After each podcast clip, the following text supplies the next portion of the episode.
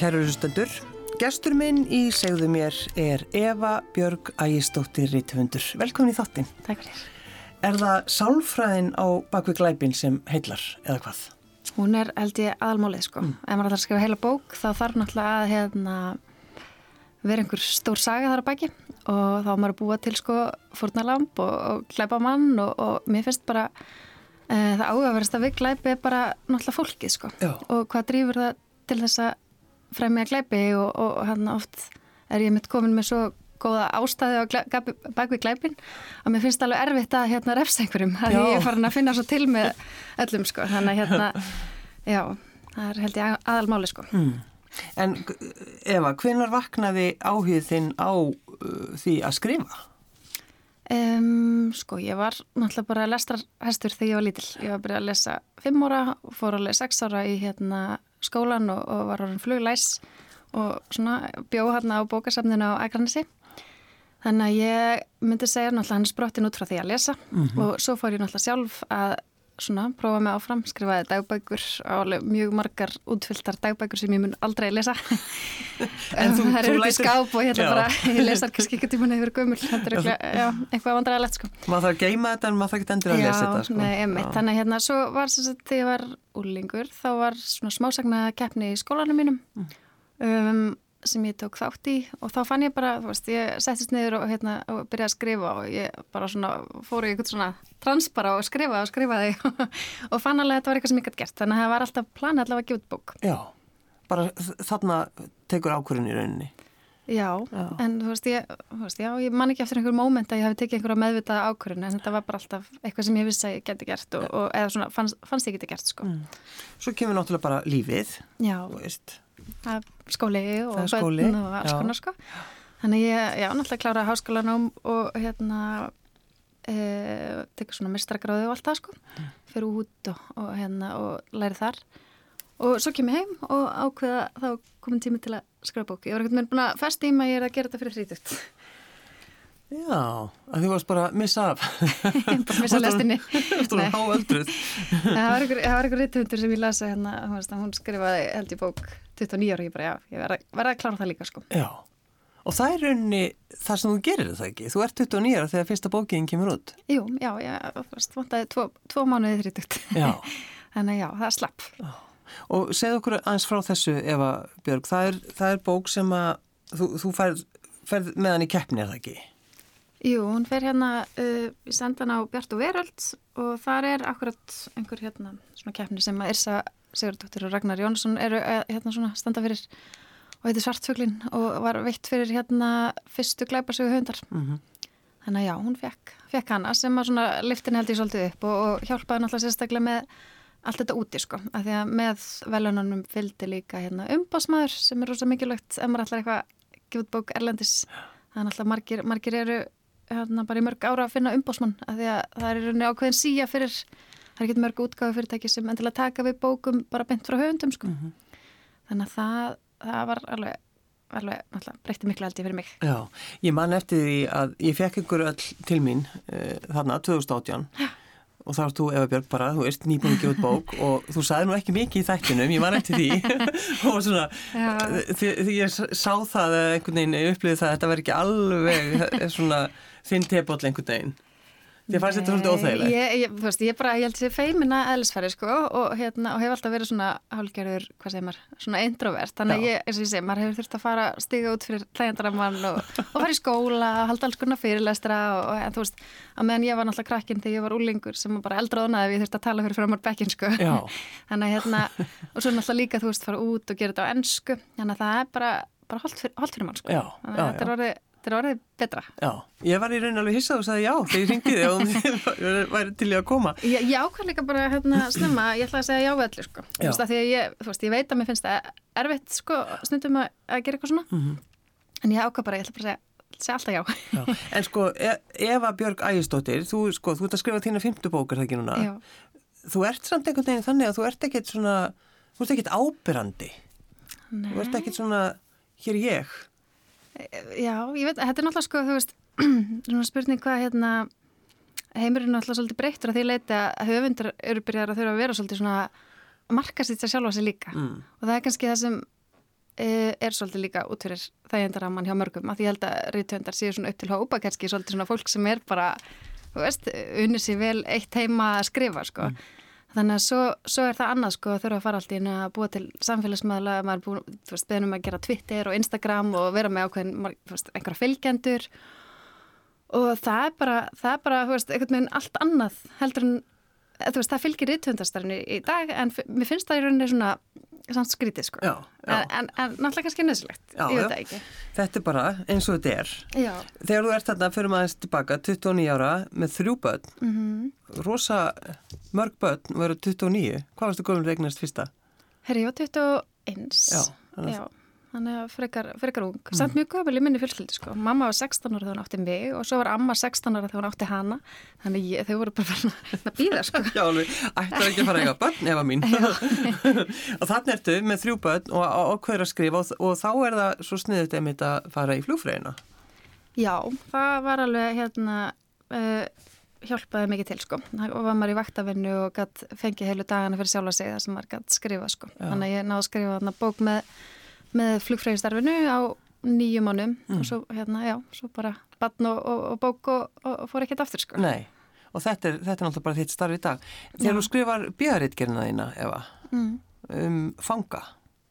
Já, það var, ég skrifaði sérst, tók sérst félagsfræði bíða og tók svolítið afbrótafræði með því mm. og tók hérna að skrifaði bíðaritger með hérna honum Helga Gunnlaugs afbrótafræðingi og þetta var svona áfeng, áfangandir sem ég fann skemmtilegastir sko, að hérna svona uh, sko þessi afbrótafræði og þessi sálfræði eins og ég segi bakvið hérna, bakvið klæpi þannig að hérna ég skrifaði já, afbrót, eh, þetta var uh, reitgerð það sem ég fór yfir svona endur komur fanga og þú veist hvernig refsingar í fangilsum og alls konar þannig sko. Þannig að hérna það má segja kannski hefur verið svona grunnurinn að þessum bókum sem þú veist að því ég er náttúrulega mann geftur að hafa endilega ákveðið sérstaklega að skrifa klæpasjör Nei en þarna er náttúrulega, þetta er svona það sem áhugin leikur sko.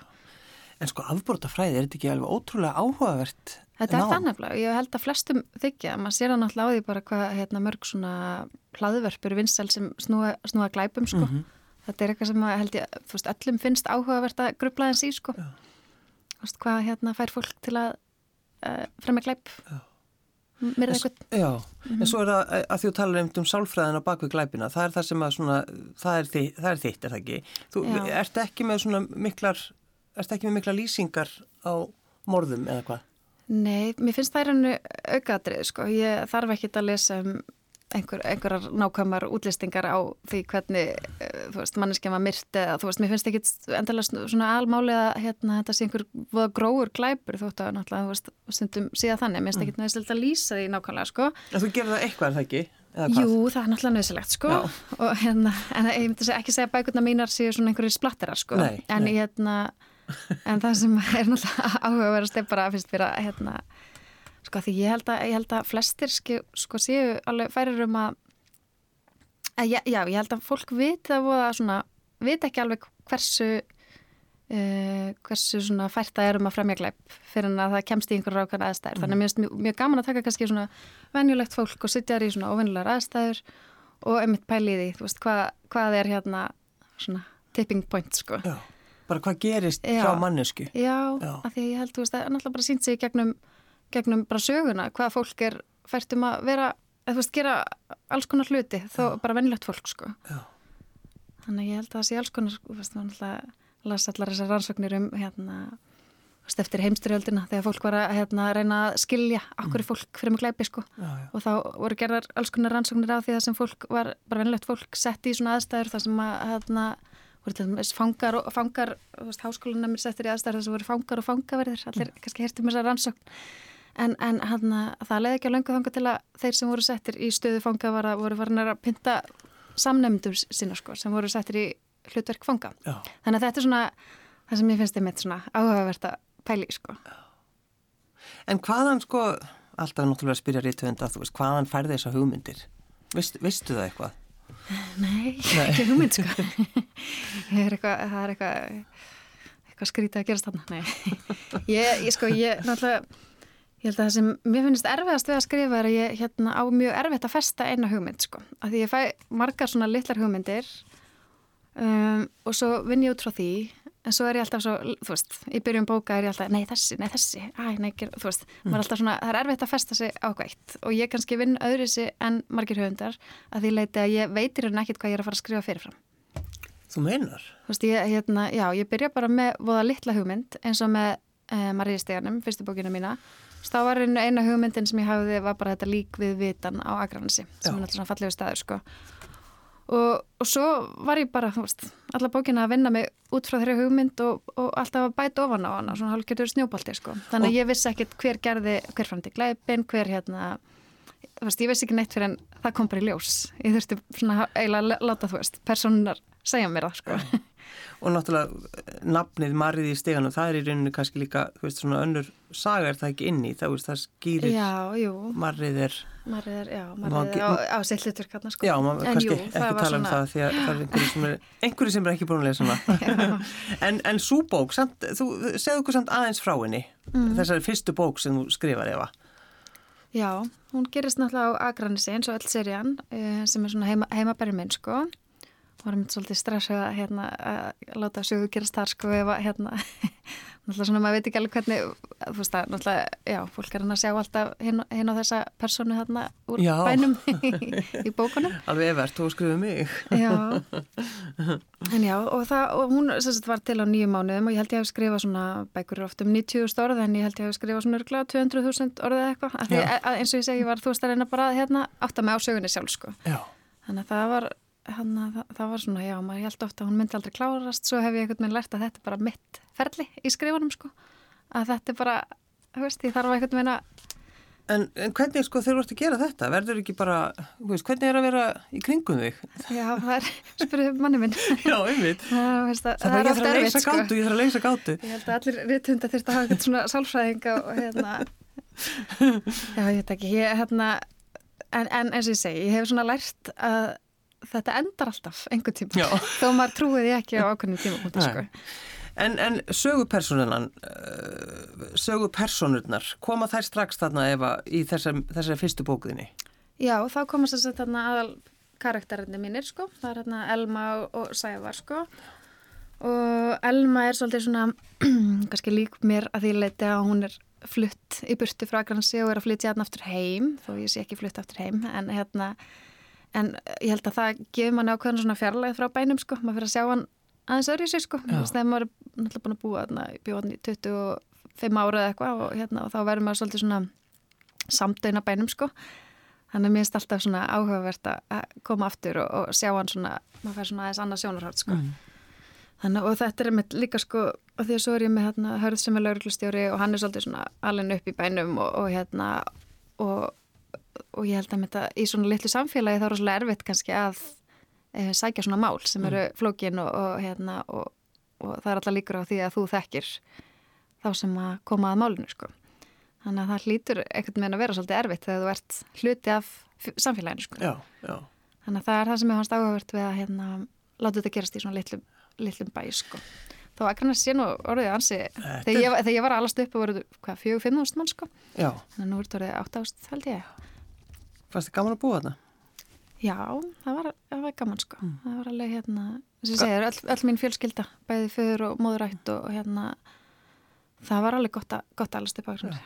Hefur þið fengið svona aðtöðsendur, hvað er akkur eftir að láta sögurna þín að gerast þar? Akkur er morð á, á Akranessi?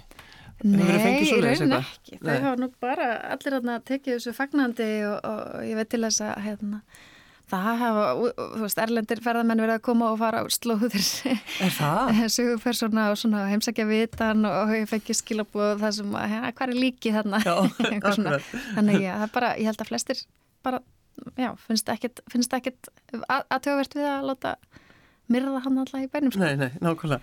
En, en Elma, sko, hver er hún? Hvernig, hvernig manneski er Elma?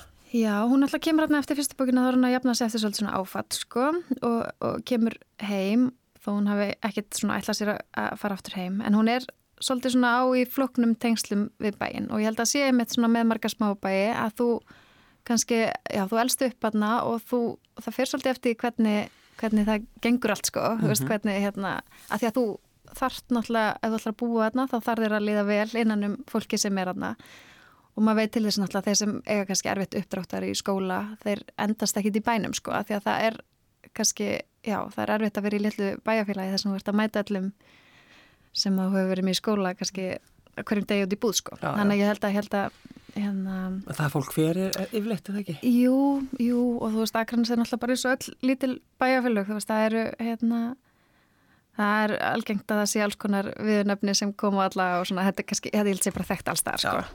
En þannig hún tekur þetta, þess ákveðin að koma aftur heim. Já, þannig hún hefur, þú veist, hún átti svolítið erfitt, sko, en ákveður að koma aftur heim og, hérna, og, og læri svolítið að, hérna, kannski ekki að vænt um bæinn sín aftur, sko. Já. Þannig, hérna, Og fjölskyldina sína. já, En hvernig kemur svo sævar inn í þetta allt saman? Ef þetta er svo fyndið, mér er svo gaman að tala um eins og þetta sé verið, þetta Já. fólk sé til. það er alveg, það er svolítið fyndist þetta, þau eru orðið svo raunveruleg fyrir manni, sko. Já, það ekki? En það er alveg, hérna, ef maður svona fara að hugsa, hugsa eins og raunverulegt fólk hérna, sko. Já. En já, Sævar er frá Akureyri og hérna, og kemur hérna, og, og hann er, einmitt, kemur á úlingsaldri, sko. Þannig að hérna, hann, hann er svolítið svona, svolítið öðri sér fyrir hann, sko. Mm. eins og, eins og fyrir fólk sem kemur á Akranes eftir ákveðin tíma sko. að það er aðeins öðru sig og, og misjænt hvernig það gengur að komast inn í samfélagi sko. en og honum hefur bara gengið ágætlega og ja, gott, að, gott að fæl með hann og þeim líður bara vel hann saman held ég sko. Já. Þegar þú ferð uh, í ferðalög, þú ert að fara út að fylgja bókunum þínum Mm. og ert á, á, á flugstöð. Eru bækuna þínar, þú sérðu þá í rekkum? Já, þær eru, eru þar, það er alltaf gaman sko. Ég hérna var meitt í Fraklandi fyrir tveim vikum og hérna sá, sá hún alls staðar þar sko. Já. Hve- Hvernig er tilfinningin, Eva? Hún skrítin, hún er svona óraunveruleg sko, mér finnst það alltaf, alltaf eitthvað minn, skrítið að sjá nafni sitt á okkur bókarna og hérna Ertu, sko, ertu ennþá, tekur þú mynd, mynd Já, ég tek myndir, ég tek myndir. Þetta er hérna, ég, þetta er ég. Já, ég er nú ekki að hrópa það en ég er svona að tek laumumyndir Alveg, sjáuðu mig. Já, svo náttúrulega líka veist, skrítið sko eins og í Fraklandi, bókin gekk nokkuð vel þar á síðast ári og, og búin að vera að fara á nokkra svona franskar bókaháttíðir sko. Já. og þá náttúrulega líka alltaf skrítið sko að fá allt fólki sem að vil láta mann árita og fá myndir og þú veist svona fólk sem hefur lesið bókina sko og það, það er alltaf smá orðurlegt að það sé eitthvað fólk út í heimi sem að hérna les eitthvað sem maður skrifaði inn í stofu hjá sér sko þannig að það er Ertu, ertu stundum, sko, ertu alveg hissa á því ennþá? Ég meina, þú ert að skrifa núna fymtu bókina, væktinu og er orðin sjóuð. Já, en svo er þetta líka frekar nýtt að því að hérna Marja Stegan, hún kom sér satt út í mars 2020 í, í Englandi, Mm. e, já, í Breitlandi og Bandaríkjunum og svona. Þannig að það náttúrulega bara sama mánu, sami mánuður og COVID byrjaði. Þannig að þá, þá var ég með helling skipulegt, e, fara alls konar út og fylgja eftir bókinni og svona.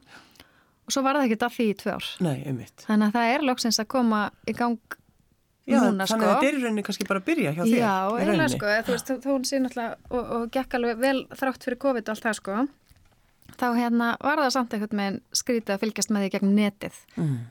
Það er ekki alveg eins. Nei, nei. Það er ekki raunverulegt sko. En sko því þú talar um hún hafi verið vinsal í Fraklandi, var hún, í- hvað var hún ekki einhverju ofalega á, Jú, hún er búin að listum? vera, já, hún er búin að vera alveg, ég held hún hafi verið árið sem hún kom út var hún í sjötta sæti yfir svona mest seldu bækur eftir skandinaviska höfundar sko. Þannig að hérna það bara gekk rosa vel sko. Og hérna, ég held hún hafi selst í einhverjum, einhverjum tíu þúsundum intaka þar sko. Þannig að ég, Frakland er skemmtilegt land. já, þeir eru líka svo hrifnir einhvern veginn af Þeir eru íslensku náttúrulega með eitthvað svona Íslands, eh, sko, elskallir Ísland. Já, þarna. já. Þetta er eitthvað voða, íslenskum höfundum hefur held ég vegna voða vel, vel í Fraklandi, sko. Já, já.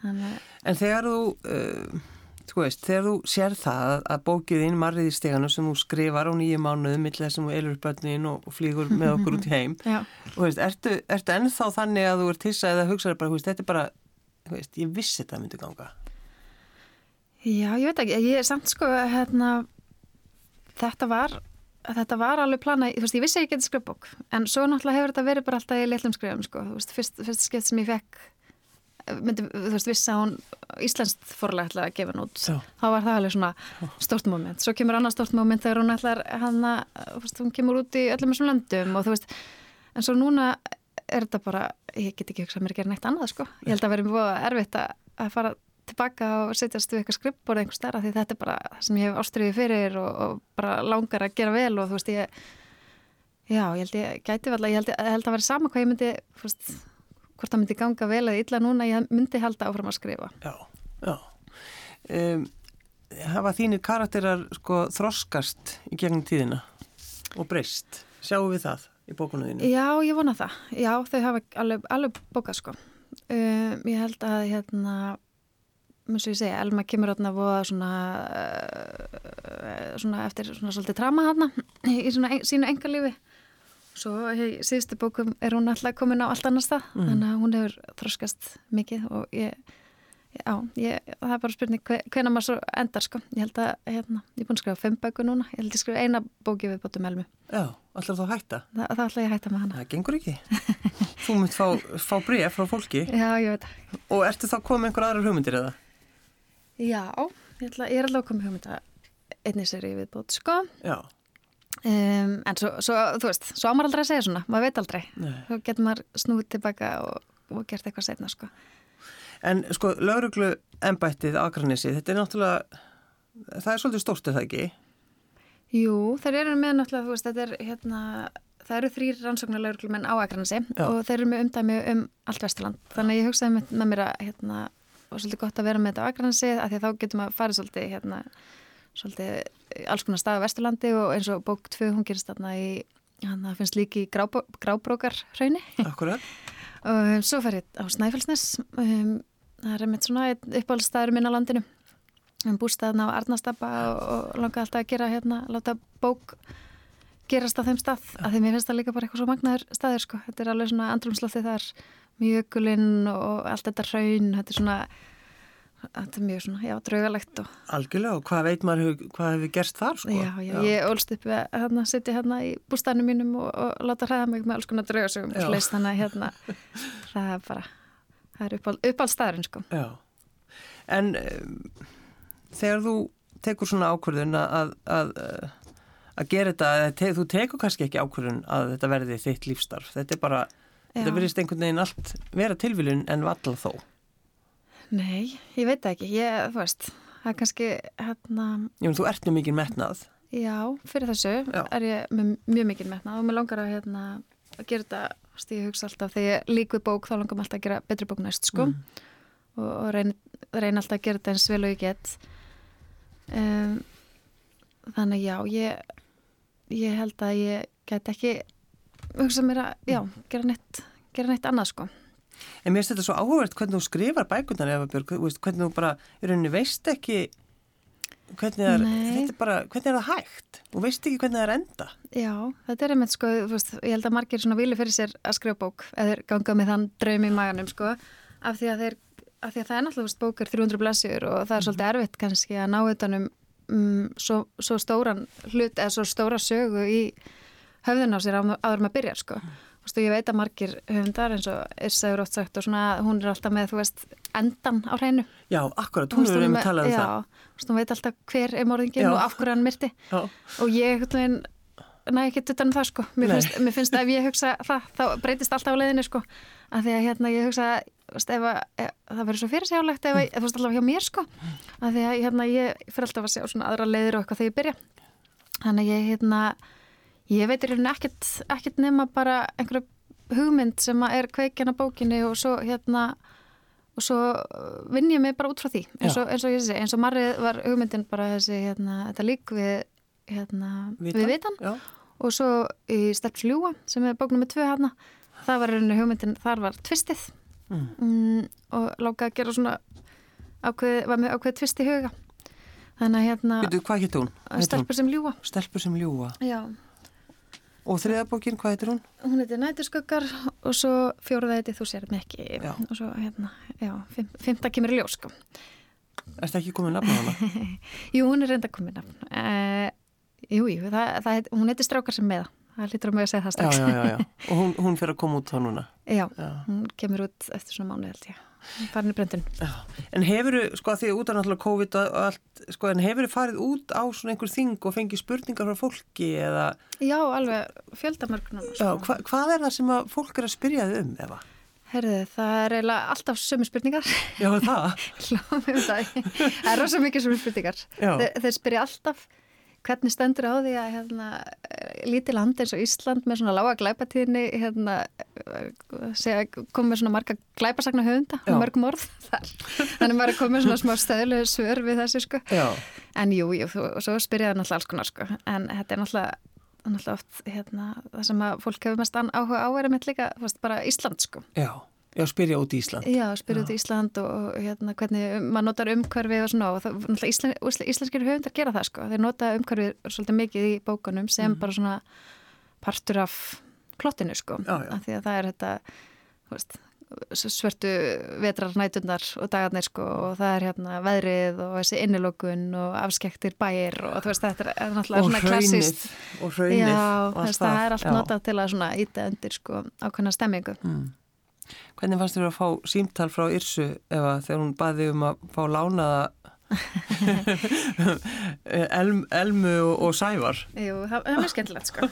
Hérna, við, erum, við vinnum mikið saman núna, við erum náttúrulega Yrsa og, og Ragnar og, og við erum að halda svona, eða þú veist það er hérna glæparsarnar ráðstefna sem við ætlum að halda á Íslandi núna og gerum við líka fyrra. Nú, við erum að skipulegja hana. Er hún að, hvena verður hún?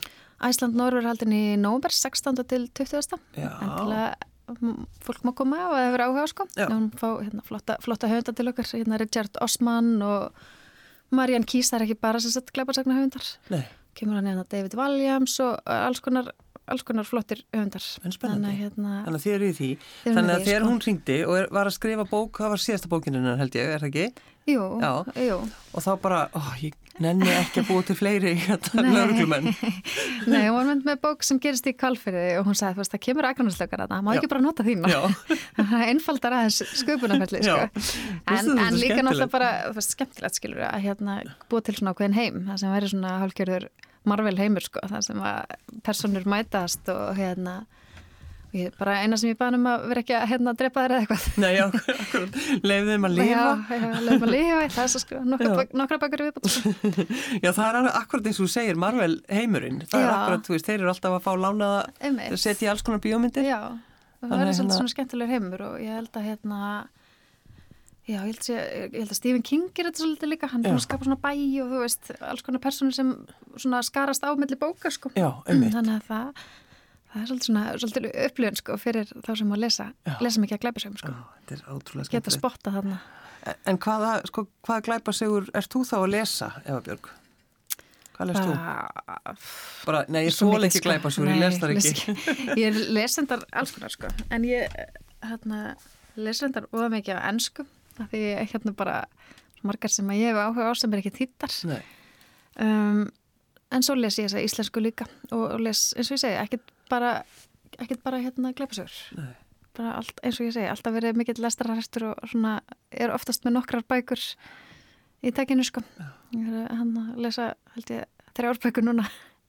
En ertu heldur að þú sko breytir bara alveg um kurs ef að þú farir út í einhverjar aðra bókmyndir? Serðu þig einhvern veginn gera það? Sko ég, það væri þá alltaf minnst ég ekki endilega först í því að skrifa það sem kallast þetta Nordic Norsko sem er hérna og, reyla, og það er eiginlega ástæðan fyrir ég ætla að breyta þess og fara næst kannski aðra serju en maður langar að skrifa öðru sér bók sem er ekki endilega lauruglu rannsókn. Minnst að verða smá svona þegar maður er alltaf að skrifa út frá lauruglunni þú veist lauruglunni í daginn ætla bara orðin vola teknivætt og það er svolítið erfitt að hérna, einhvern veginn halda í við allt þetta sko. þú veist þetta er náttúrulega orðið flókið og kannski ég veit ekki hversu spennandi það er að lesa alltaf um sömu rannsóknar aðferðina sko, þú veist, jú, jú, auðvitað finnst fólkið alveg skemmtilegt, en, en þeim er alltaf að tala um einhver, einhverja síma sem eru að pýpa á einhverju mastri og eitthvað já, svona, já, þú veist, þá, hérna þetta er náttúrulega orðið svolítið svona þannig, sko.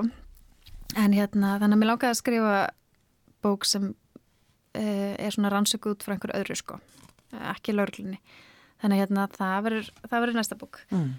en ég, hérna þá ef ég myndi skrifa öðru sér bók þá er það samt alltaf í svona eh, hvað sem er svona mysterju eða spennubók. E, þó er það ekki endilega minnst morðið eins og ég segi, morðið er aukaðri minnst líka bara spennandi sko alls konar um, aðstæður sem fólk lendist, lendir í sem eru svona, og ég segi, svona mysterjur sko. Mm. Og þarna kemur náttúrulega, þú veist, að því þú er búin að sko afbrútafræðin, sálfræðinu bak við glæpi og allt þetta, þetta er náttúrulega allt sem þú hefur hugsað um svo lengi Já, þú veist, ég, og ég hef bara svo mikinn áhuga á fólki, mm. þú veist, bara hvað gerir fólk og hvað hérna, þú veist, okkur er það eins og það er og okkur tekur það ákvarðanir sem það tekur mm. og, veist, og þetta er náttúrulega, þú veist, maður er að lesa sér mikið til um allt þetta sko og hérna og hvað svona uppeldi hefur mikil áhrif, ég held að það sé kannski svolítið svona stert þema í minn bókum að ég er að skrifa oft um um, um alls konar svona uppeldi sem að börn hafa fengið sem leiðir þau, þú veist, sem fær þau til að vera ákveðnar manneskjur. Og þetta er mitt svona það sem ég finnst alveg gríðarlega áhugavert sko, ég mitt að það var heimildamind á Rúf hann einhver tíman sem ég sá. Mm. og það sem var að tala um, veist, reyna að finna út hvort að glæpamenn getur verið með ákveði gen?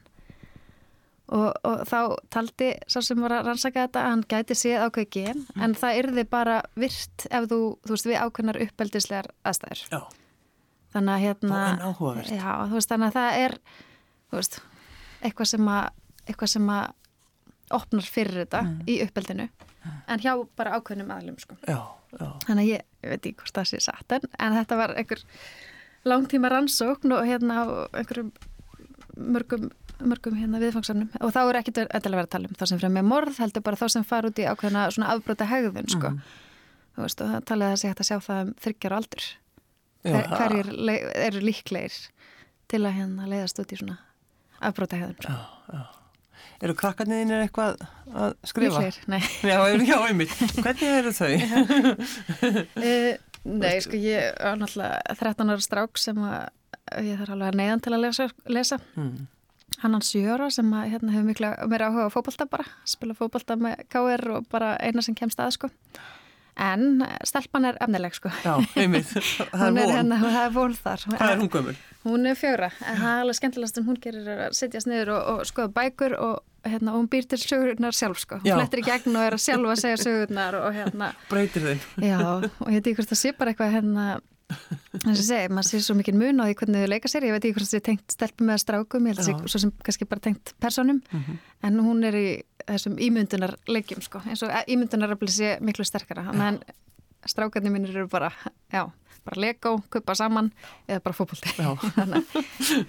En hvernig ertu, sko, hvernig ertu, þú veist, ferðu út af heimilinu til þess að vinna eða ertu, ertu heima? Herri, ég er búin að skrifa þrjár, enna fjóra bækur heima og tekið mér smá tíma, svo ákvaði ég núna í, í, í síðustu bók að fara og hérna sérst, maður minn og fjölskylda hans segja svona lögfræði uh, stofu og fekk skrippur þar, settist niður og ótrúlegt hvað maður kom miklu meira í verk. Já, er það ekki? Jú, ég bara rumpaði þess af á nokkru mánuðum sko. Þannig að hérna það er bara... Það er alltaf gekk- eitthvað sem trublar Já, heima. það er svolítið svona, þegar maður er heima sko allan daginn og hérna þarf að henda í þóttavél og eitthvað svona, veist, Það það er svolítið auðvelt að finna sér annað að gera sko. Já. Þannig hérna, það hjálpar svo mikið að fara af heimilinu. Ég hérna, held ég muni halda mig við það. Þannig það, það er komið. Já, Það er komið. En eh, nýjasta bókin sem sagt kemur út bara núna, er það ekki? Eins og bara marga bækur jú, hún kemur út, uh, ætti að koma út í lók oktober, Já. þannig að, já, það er jólavertíðin sko. Á, já, á, það er er skemmtilega, sko. já, maður komin smá killimann sko. En ertu sko viðkvæm fyrir gaggrinni? Já. Um, ég var það fyrst sko, eins og held ég bara allir nýjir höfundar. Það fannst mér þetta alveg hérna, voða erfitt sko og því að þá er líka, mástu maður kannski með fyrstu bók að leitast eftir viðkynninga á því hvort maður geti skrifað eða ekki. Það er það líka, Já, akkurat. veist, þannig að það, það er svolítið svona, maður veit það ekki sjálfur sko, hvort þetta sé eitthvað gott og náttúrulega eh, svona 90% tímanum vissum þetta sé eitthvað algjört drasl sko. Mhm. um, en í dag náttúrulega, veist, hefur bara gengið vel og ég veit að, veist, mörgum margir eru hrifnir af bókunum og, veist, og það er náttúrulega bara þannig með bækur að hérna, það er engin aldrei skrifa bók sem allir eru hrifnir af Nei, nei. þannig að það er bara ekki þetta velta sér upp á því sko Eva Björg Ægistóttir í Töndur. Takk fyrir að koma. Takk It's knowing that your door is always open and your path is free to walk. That makes me tend to leave my sleeping bag rolled up and stashed behind your couch. And it's knowing I'm not shackled by forgotten words and bonds and the ink stains that have dried up on some lines. Keeps you in the back roads by the rivers of my memory. It keeps you ever gentle on my mind. It's not clinging to the rocks and ivy planted on the columns now that binds me. Or something that somebody said because they thought we fit together walking. It's just knowing that the world will not be cursing nor forgiving when I walk along some railroad track and find moving on the back roads by the rivers of my memory, and for hours you're just gentle on my mind.